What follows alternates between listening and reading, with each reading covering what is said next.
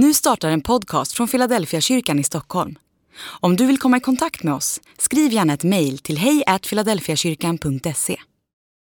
Eh, för ett tag sedan så kom jag över begreppet, jag tycker om begrepp, det finns ju mycket i det. Så, så kom jag på, eller jag kom inte på, utan jag fick höra om begreppet life defining moment. Life defining moment. Det låter ju amerikanskt och härligt, det finns ett visst tryck i det. Alltså det är tanken av att på något sätt finns det vissa händelser, vissa ögonblick, vissa händelser som du är med om, som är viktiga för dig och som får vara kvar, som på något sätt får prägla den du blir. Vissa människor har det som att det är liksom när jag tog studenten, det kan man ju säga, det är ett life defining moment. Vissa har när de liksom gifte sig, vissa har när de gick igenom en tuff skilsmässa, man kanske fick ett barn, man kanske fick ett nytt jobb, gjorde ett karriärbyte. Du vet, vissa sådana här händelser är viktiga för oss för att de tar ut en ny riktning för vårt liv. Det kan vara en total usväng, du vet man är på väg åt det hållet och sen så är man på väg åt det hållet. Andra life defining moments är lite mera bara små förändringar, men du har en ny riktning, du har en, liksom ett nytt syfte med livet. Jag tycker att det är ett bra begrepp, ett life defining moment.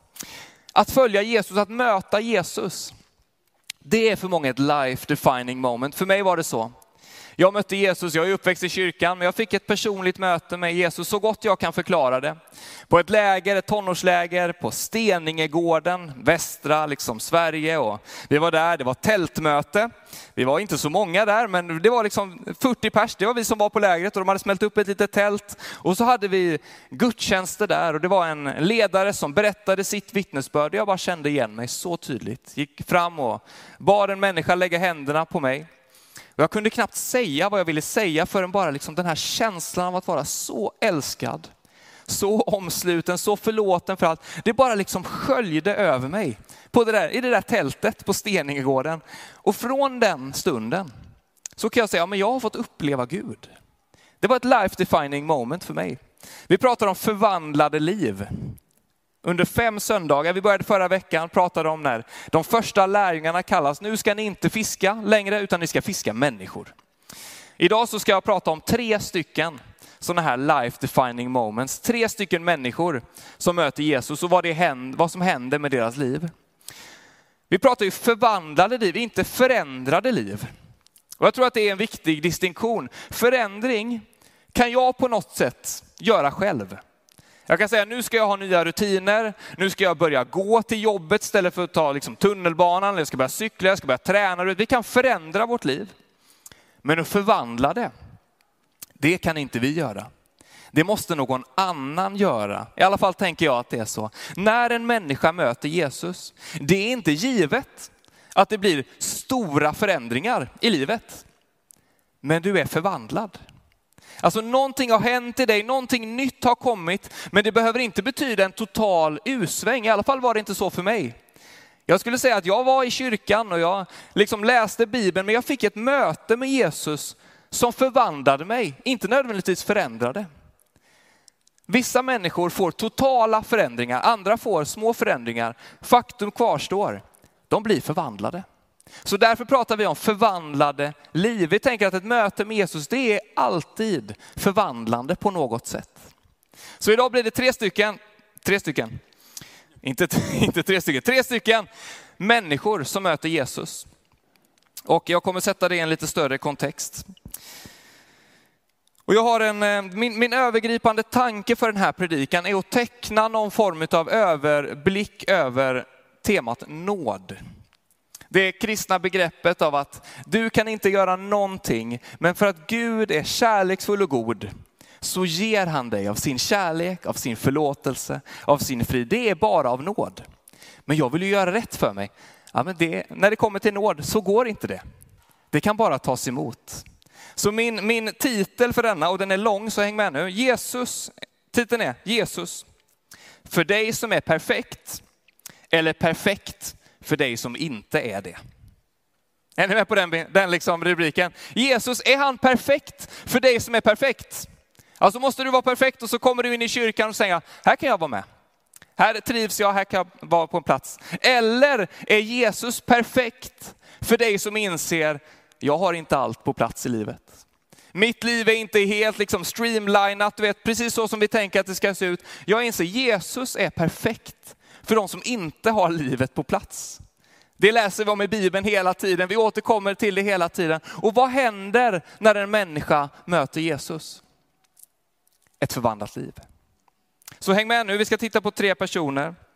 Och bara för att ge lite kontext så, så tänkte jag ge dig precis det som har hänt innan de här tre personerna möter Jesus. Jesus har haft ett känt tal som kallas för bergspredikan. Om du har varit i kyrkan länge så kanske du har hört om den undervisningen. Jesus kliver upp på ett berg och samlar lärjungarna runt sig och lite fler löst folk och så undervisar han dem om vad som står i lagen och han liksom trycker på där, han målar ut bilden av att liksom, det ska vara ett heligt liv. Så här lever du som Jesu efterföljare. När jag läser det, och jag, jag kanske är ensam, det kanske finns någon som känner, så inser man ju att det som står där i bergspredikan, det, det är inte helt enkelt, eller? Att liksom leva upp till allt det som står där i bergspredikan. Du vet. All, jag, jag ska ge, låt mig ge några, några förslag här. Matteus kapitel 5.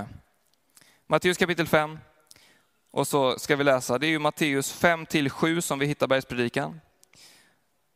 Det är ju för många uttalat som ett av liksom världens bästa tal. Jesus lägger upp detta och han, han säger så här i eh, 5, 27 till 30. Läs här nu. Ni har hört att det blev sagt. Det är som att Jesus hela tiden liksom höjer insatsen. Han tar det ett steg till hela tiden. Det är därför man säger, ni har hört att det blev sagt, och sen så kommer Jesus och säger, men jag säger er. Så här säger Jesus. Ni har hört att det blev sagt, du ska inte begå äktenskapsbrott. Men jag säger er, den som ser på en kvinna med åtrå har redan i sitt hjärta brutit hennes äktenskap. Om ditt högra öga förleder dig, så riv ut det och kasta det ifrån dig. Det är bättre för dig att en del av din kropp går förlorad än att hela din kropp kastas i helvetet. Ja, okay. Eh, och om din högra hand förleder dig, hugg av den och kasta den ifrån dig.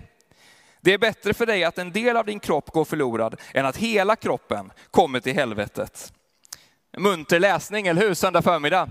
Ni, vet, ni har hört att det blev sagt, men jag säger, och så skruvar han det ett steg till. Du vet, det här har du hört, nu gäller detta. Det är ännu mer extremt. Så här säger han också i Matteus 5, 43-48. Ni har hört att det blev sagt, du ska älska din nästa och hata din fiende. Men jag säger er, älska era fiender och be för dem som förföljer er. Då blir ni er himmelske faders söner. Ty han låter sin sol gå upp över onda och goda och låter det regna över rättfärdiga och orättfärdiga. Om ni älskar dem som älskar er, ska ni då ha lön för det? Gör inte tullindrivarna likadant? Och om ni hälsar vänligt på era bröder och bara på dem, gör ni då något märkvärdigt? Gör inte hedningarna likadant? Och sen kommer spiken i kistan. Var fullkomliga, så som er fader i himlen är fullkomlig. En liten undersökning, hur många av er känner att ah, jag är ändå fullkomlig? Ja, tur att det inte är någon som räcker upp handen. För ingen är fullkomlig, eller hur? Ingen har ju hela livet på plats. Alltså vi, vi har hört att det blir sagt, och så kommer Jesus och han säger, ännu mer ska du göra. Inte enkelt. Man, man, man kan ju liksom bli svettig för mindre. Men han är inte klar, han fortsätter. Matteus 7, 1-4. Döm inte, så blir ni inte dömda. Ty med den dom som ni dömer med ska ni dömas, och med det mått som ni mäter med ska det mätas upp åt er. Varför ser du flisan i din broders öga när du inte märker bjälken i ditt eget? Och hur kan du säga till din broder, låt mig ta bort flisan ur ditt öga, du som har en bjälke i ditt öga? Hycklare. Ta först bort bjälken ur ditt öga så att du kan se klart och ta bort flisan ur din broders. Ja, alltså det är som att Jesus säger typ, om man ska använda en, en modern bild, kritisera inte en människas liksom lite spruckna skärm när du liksom har pajat hela telefonen på något sätt. Alltså det är lite den bilden. Du vet, du har en liten flisa, kommentera inte den. Du har ju en bjälke i ditt öga. Och det är ju en, över, det är en överdrift, ni fattar ju det. Ni är ju med på att det, det är ingen som går runt med en bjälke. Ja, det var ingen som, som tänkte på det. Men alltså, ibland så överdriver Jesus, han använder ju komiska bilder. Du vet så här, Se inte på, på andras fel, döm inte, så ska inte du bli dömd. Men ändå så är vi ju så duktiga på det. Att döma andra, att inte se våra egna brister, istället fokusera på alla andras brister. Vad säger Jesus? Jo, ta först bort din bjälke, det stora grejen, för att sen kunna ta bort flisan. Alltså han fortsätter, han, han är liksom inte klar. Det är som att han säger bara hela tiden, Ska, du ska göra detta, det här ska du göra, det här ska du göra. Och jag blir ju bara svettigare och svettigare. När jag, var, ja, men när jag hade haft min, min erfarenhet av Jesus då på, på Steningegården så tänkte jag nu ska jag börja läsa Bibeln och så kommer man till, till Matteusevangeliet och bergspredikan och så inser man ju bara, ah, det, det blir inte mycket av det här alltså, för jag kan inte göra detta. Vi är inte fullkomliga. Vi kan inte på något sätt prestera oss in i himmelriket. Det verkar i alla fall inte så. Jag har aldrig träffat någon som säger, men jag har allt det här på plats. Utan vi alla brottas på något sätt. Så här står det i, i Romarbrevet kapitel 6. Romarbrevet som är ett brev skrivet av Paulus. Och han skriver så här i kapitel 6 och vers 14. Alltså när vi människor på något sätt inte lever upp till det som, som Gud har tänkt, när vi inte lyckas med det som Jesus undervisar om, det är det som Bibeln kallar för synd, när vi, när vi brister på något sätt. Det har alla människor. Men så säger Paulus så här. Synden ska inte vara herre över er. För ni står inte under lagen, utan under nåden. Synden ska inte längre vara herre över er. Ni står inte under lagen, utan under nåden. Det är som att Jesus säger, eller Paulus säger, att när vi människor tror på Jesus, när vi inte lägger vår liksom, alla vår ägg i samma korg som är vår egen, utan när vi tänker nu lämnar jag över detta till dig Jesus. Vad händer då? Jo, då får vi en ny Herre. Vi står inte längre under synden. Lagen kan på något sätt bara berätta för oss när vi kommer till korta. Vi står inte längre under lagen, utan under nåden. Du har fått en ny Herre i ditt liv. När händer det? När du börjar tro på Jesus. Bibeln är tydlig med det. När du överlämnar dig i Jesu händer, då står du inte längre under att du ska prestera. Då har redan Jesus presterat. Och du kan kliva in i det rummet, i nådens rum. Och det som är fantastiskt är att efter den här bergspredikan, det här talet om helighet, hur man lever ett fullkomligt liv, så möter Jesus tre personer och för mig är det så tydligt att de kommer direkt efter bergspredikan. Vilka är det då som Jesus möter? Jo, för det första så möter han en spetälsk. Vi kan faktiskt läsa igenom det. Det står i Matteus kapitel 8, 1-4. När han gick ner från berget följde stora folkskaror med honom. Då kom en spetälsk fram och föll ner för honom och sade, Herre, vill du så kan du göra mig ren. Jesus sträckte ut handen, rörde vid honom och sa, jag vill, bli ren. Genast blev mannen ren från sin spetälska, men Jesus sa till honom, säg det inte till någon, men gå och visa upp dig för prästen och ge det offer som Mose har bestämt. Det blir ett vittnesbörd för dem. Alltså precis efter, liksom, föreställ dig detta, Jesus har haft det här talet uppe på berget. Då. Troligtvis så kommer det ner mycket människor från berget och nedanför berget står en spetälsk person. Spetälska var en sjukdom som, som var eh, otroligt hemsk, makaber sjukdom. Du liksom fick bölder och sår och det slutade med att kroppsdelar började falla av. Liksom ingenting som, som någon människa ville råka ut för.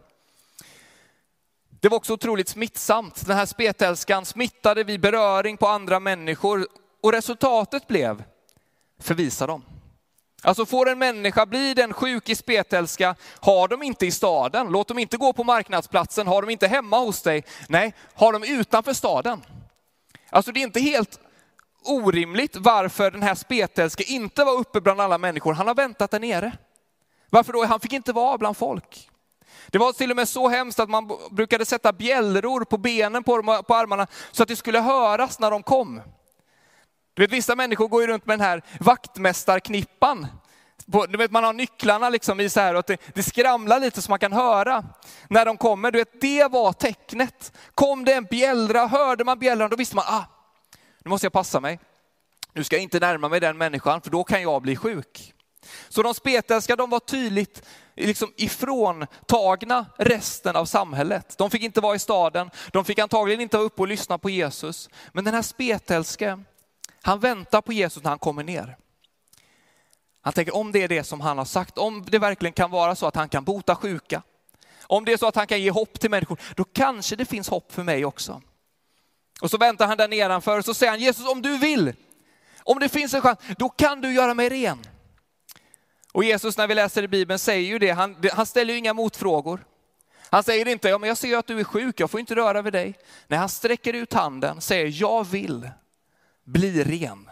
Och vad händer då? Jo, direkt lämnar spetälskan honom. Alltså den här människan, han var utstött från samhället. Andra människor hade bestämt, du får inte vara med här. Och vi ska tydligt markera det, du ska inte tillhöra oss. Vad gör Jesus? Han sträcker ut handen och rör vid den här människan och hela den som inte fick vara med i gemenskapen. Bergspredikan målar upp en bild av ett heligt liv. Vad visar Jesus direkt eh, efter? Jo, en människa som är sjuk, som inte lever efter det som lagen hade sagt. Han är den första som får vara med. Nummer två då, som kommer efter, det är en officer. En, en romersk officer. Vi kan ju läsa det också. Så här står det, en officers tjänare botas. I Matteus 8 och 5 framåt. När jag gick in i Kafarnaum kom en officer fram till honom och bad om hjälp. Herre, min tjänare ligger förlamad där hemma och har svåra plågor. Jesus sade, ska då jag komma och bota honom? Officeren svarade, Herre, jag är inte värd att du går in under mitt tak, men säg bara ett ord så blir pojken frisk. Den här officeren, han var, fick vara med i samhället, men han var inte av rätt folk. Han var romare, han var, liksom, jobbade åt ockupationsmakten. Kan du din, din liksom, eh, judiska och kristna historia så vet du att under den här tiden när Jesus verkade så var Israel ockuperat av romarriket. Det var en annan militärmakt som styrde i landet och man längtade efter att det skulle komma en räddare, den här Messias, som skulle göra folket fria från romarriket. Och här kommer en romare och inte bara en vanlig romare utan en romersk officer, en som ledde hela ockupationen över folket. Och han säger till Jesus, Jesus jag har en tjänare hemma, han är sjuk, skulle inte du kunna hela honom? Och Jesus säger till slut, ja men jag gör det, jag helar dig och den män, han blir helad. Vad är det här en bild för? Jo men jag tänker oavsett om du är sjuk, Alltså någon annan har distanserat dig. Eller om du inte är med, du är totalt fel, du är liksom ockuperande. Jesus sträcker ut handen och helar. Den som inte var med får på något sätt vara med. Person nummer tre då, det är Petrus svärmor. Och där kan man ju dra valfria skämt om svärmödrar. Jag hoppar över det idag. Eh, men eh, man kan ju tänka liksom att undra, undra hur den relationen såg ut. Det enda vi vet egentligen det är att hon var sjuk. Hon hade feber, hon låg hemma. Och Jesus kommer hem till henne och, och helar henne, hon blir frisk och hon går upp och liksom passar upp, de står det. Den här svärmor, vad var det med henne då? Om den första var den spetälske fick inte vara med för att andra hade distanserat för att den var sjuk. Om den andra var med för att den inte var del av Israels folk. Hur får vi in liksom svärmor i berättelsen? Jo, men jag tänker, var med mig på den här bilden, följ med hela vägen nu. Hon var på ett sätt en helt vanlig människa. Hon var judinna. Vi vet att hon hade eh, barn som var, som var högt ansett på under, under Bibelns tid. Vi vet att till, exempel, till och med den här, eh, det här barnet då var ju gift med Petrus. Eh, och eh, liksom hon hade på något sätt livet på plats, men hon var ändå sjuk. Alltså hon brottades med någonting. Hon var, livet var inte helt perfekt. Ibland kan vi ju tänka, ja men så fort jag lär känna Jesus, då är det räkmacka sen, allting kommer gå jättebra. Jag kommer inte liksom få, få några som helst problem i mitt liv. Alla vi vet ju att det är ju inte sant. Vi möter ju problem, vi brottas med saker. Livet är inte räkmacka, hur gärna jag än skulle vilja att det är det. Men det är inte så. Petrus svärmor, hon var med i folket. Hon hade, det, hon hade lyckats på många sätt, hon hade fått liksom en, ett barn som hade träffat någon, men hon var ändå sjuk. Den tredje människan som Jesus helar, direkt efter att han har målat upp bilden av ett heligt liv, är en sjuk person. Som också får Guds berörande, som också får ett förvandlat liv. Alltså jag tycker att det är intressant att det är de här tre som är de första som Jesus möter efter att han har målat upp bilden av det perfekta livet. Är inte det intressant? Den första har andra stängt ute, sagt du får inte vara med, du har en sjukdom, det här är inte lämpligt att du är med. Den andra var del av liksom det totalt andra laget, Israels ockupationsmakt som ville bestämma och styra, får också ett möte med Jesus. Och den tredje människan, kanske på något sätt många av oss här inne som har livet ganska mycket på plats, men det finns saker vi brottas med. Alltså ställer man det i kontrast till var fullkomlig, så inser man, vi behöver alla nåden. Alltså om jag ska prestera mig till det, vad händer då? Jo, men då får jag ju inte bli sjuk. Jag får ju inte göra någonting fel. Jag får inte liksom pressa någon, ockupera någon. Men om jag inser mitt liv, jag kommer leva det så gott jag kan. Och sen kommer jag lita på Jesus med resten. Att nåden ska översvalla. Jag står inte längre under lagen, utan under nåden. En ny tid. Den som är i Jesus är en ny skapelse, säger Bibeln. Alltså du som kanske tänker så här i kyrkan, jag vet inte om, om jag passar in här. Du kanske har varit här några gånger, du kanske har följt via nätet på några gudstjänster. Och så kanske du känner, ah, men jag vet inte om det är någonting för mig, jag har inte livet på plats. Det här är goda nyheter för dig. Nåden finns för dig. Du är inkluderad, du kan inte prestera dig till det. Sen är det som att när en människa möter Jesus, då blir livet förvandlat på något sätt. Den spetälske fick befrielse från sin spetälska. Den romerske, fick, den romerska officeren fick hjälp med sitt barn, som, som, fick, liksom, som blev, inte barn utan tjänare, som blev helad. Då. Petrus svärmor blir helad i sin kropp. Det är inte för att de har presterat, utan för att Gud är kärleksfull och god. Att nåden räcker även för dem. Om du inser att jag faller gång på gång, ja men du är i gott sällskap. Läser du Bibeln så inser du det är inga helgon där. Ja, de kommer ju för, först senare. Det är vanliga människor som kämpar med livet. Som inte har allting på plats, men som möter en kärleksfull och god Gud. Som går hela vägen till korset för deras skull. Som inte slutar där, som besegrar döden, som uppstår på den tredje dagen och låter livet vinna en gång för evigt. Varför då? Jo, för att du ska få del av den kärleken. För att du ska inse, ja men jag kan försöka att prestera mig och jobba och, och, göra grejer hela tiden för att förtjäna mig. För att gång på gång bara inse, ja men jag måste bara falla i nåden. När jag inser det, jag står inte längre under lagen, det är inte vad jag ska göra, utan det är vad Jesus redan har gjort. Det blir en förvandling i ditt liv. Någonting händer som du inte kan göra något åt, men som Jesus ger dig. Jag tänker det är det på något sätt när en människa väljer att döpas, så inser man jag har kämpat, jag har sökt, nu har jag hittat hem. De här tre människorna, jag tänker att de är ett vittnesbörd på olika berättelser, olika livsresor, men där samma kärleksfulla Gud möter dem utifrån deras behov. Jag vet inte vad du har för behov som sitter här inne idag. Men du har kommit hit till kyrkan, du har valt att lägga den här söndag förmiddagen i kyrkan. Och jag vet som sagt inte vad du går igenom, men jag vet att Gud vet. Och jag vet att han har en förmåga och en längtan efter att möta dig precis där du är. Han har gjort det förut. Han kan göra det igen. Och nu ska vi alldeles strax öppna förbönsplatserna. Du kan komma dit oavsett vad du går igenom. Oavsett vad du har för bönämne, vad du längtar efter. Om du känner dig diskvalificerad, kanske av andra, kanske av dig själv. De här tre berättelserna, jag tänker att de tecknar en fantastiskt vacker bild av nåden. Av att Jesus redan har gjort allt. Att du bara kan få ta emot.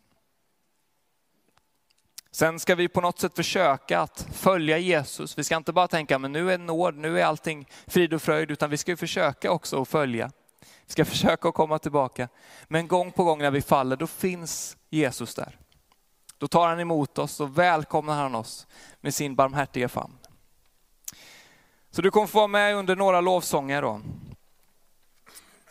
Du kan stå upp, du kan gå till förbön, det kommer vara på, på sidorna här. Du kommer se förebedjare som står med sådana här badgar runt, runt halsen. Och jag tänker kanske känner du igen dig i någon av de här tre personerna, kanske är det någonting helt annat. Men det är alltid gott att låta en människa få lägga sina händer och be för dig. Så Jesus han målar upp ett heligt och ett fullkomligt liv. Han säger var fullkomlig. Men vi inser det går aldrig, vi faller gång på gång. Men då är Jesus kärleksfull och god. Och han möter oss där. Så ska vi stå upp tillsammans, ska vi be till Gud och vara inför honom i lovsång. Herre Jesus, vi tackar dig för din nåd. Herre, tack att du är perfekt för oss som inte är det. Herre, du vet precis vad vi går igenom och tack att vi kan vara ärliga inför dig just nu. Med alla våra brister, med alla våra laster, med alla våra sprickor. Så får vi komma till dig som är kärleksfull och god. Herre, tack att du inte går till de som är perfekta, för det finns inga sådana. Du går till människor med behov. Du går till människor som brottas. Och herre, jag vill bara särskilt be för för de människorna som just nu går igenom en tuff period, kanske av sjukdom som gör att de känner sig distanserade. Eller de som har fått höra ord av, du får inte vara med här, det här är ingen plats för dig. Herre, jag ber att du skulle innesluta dem i din gemenskap. Eller de som upplever att jag kommer från, som den romerska officeren, jag kommer från fel folk, men jag önskar och tror på Jesus. Tack att alla människor är välkomna till dig. Och så ber jag för oss alla andra, vi som, som på något sätt har livet någorlunda på plats men som brottas. Jag ber att du ska möta oss i våra behov. Så vill jag innan vi öppnar förbönsplatserna och sjunger så vill jag bara göra en, en inbjudan.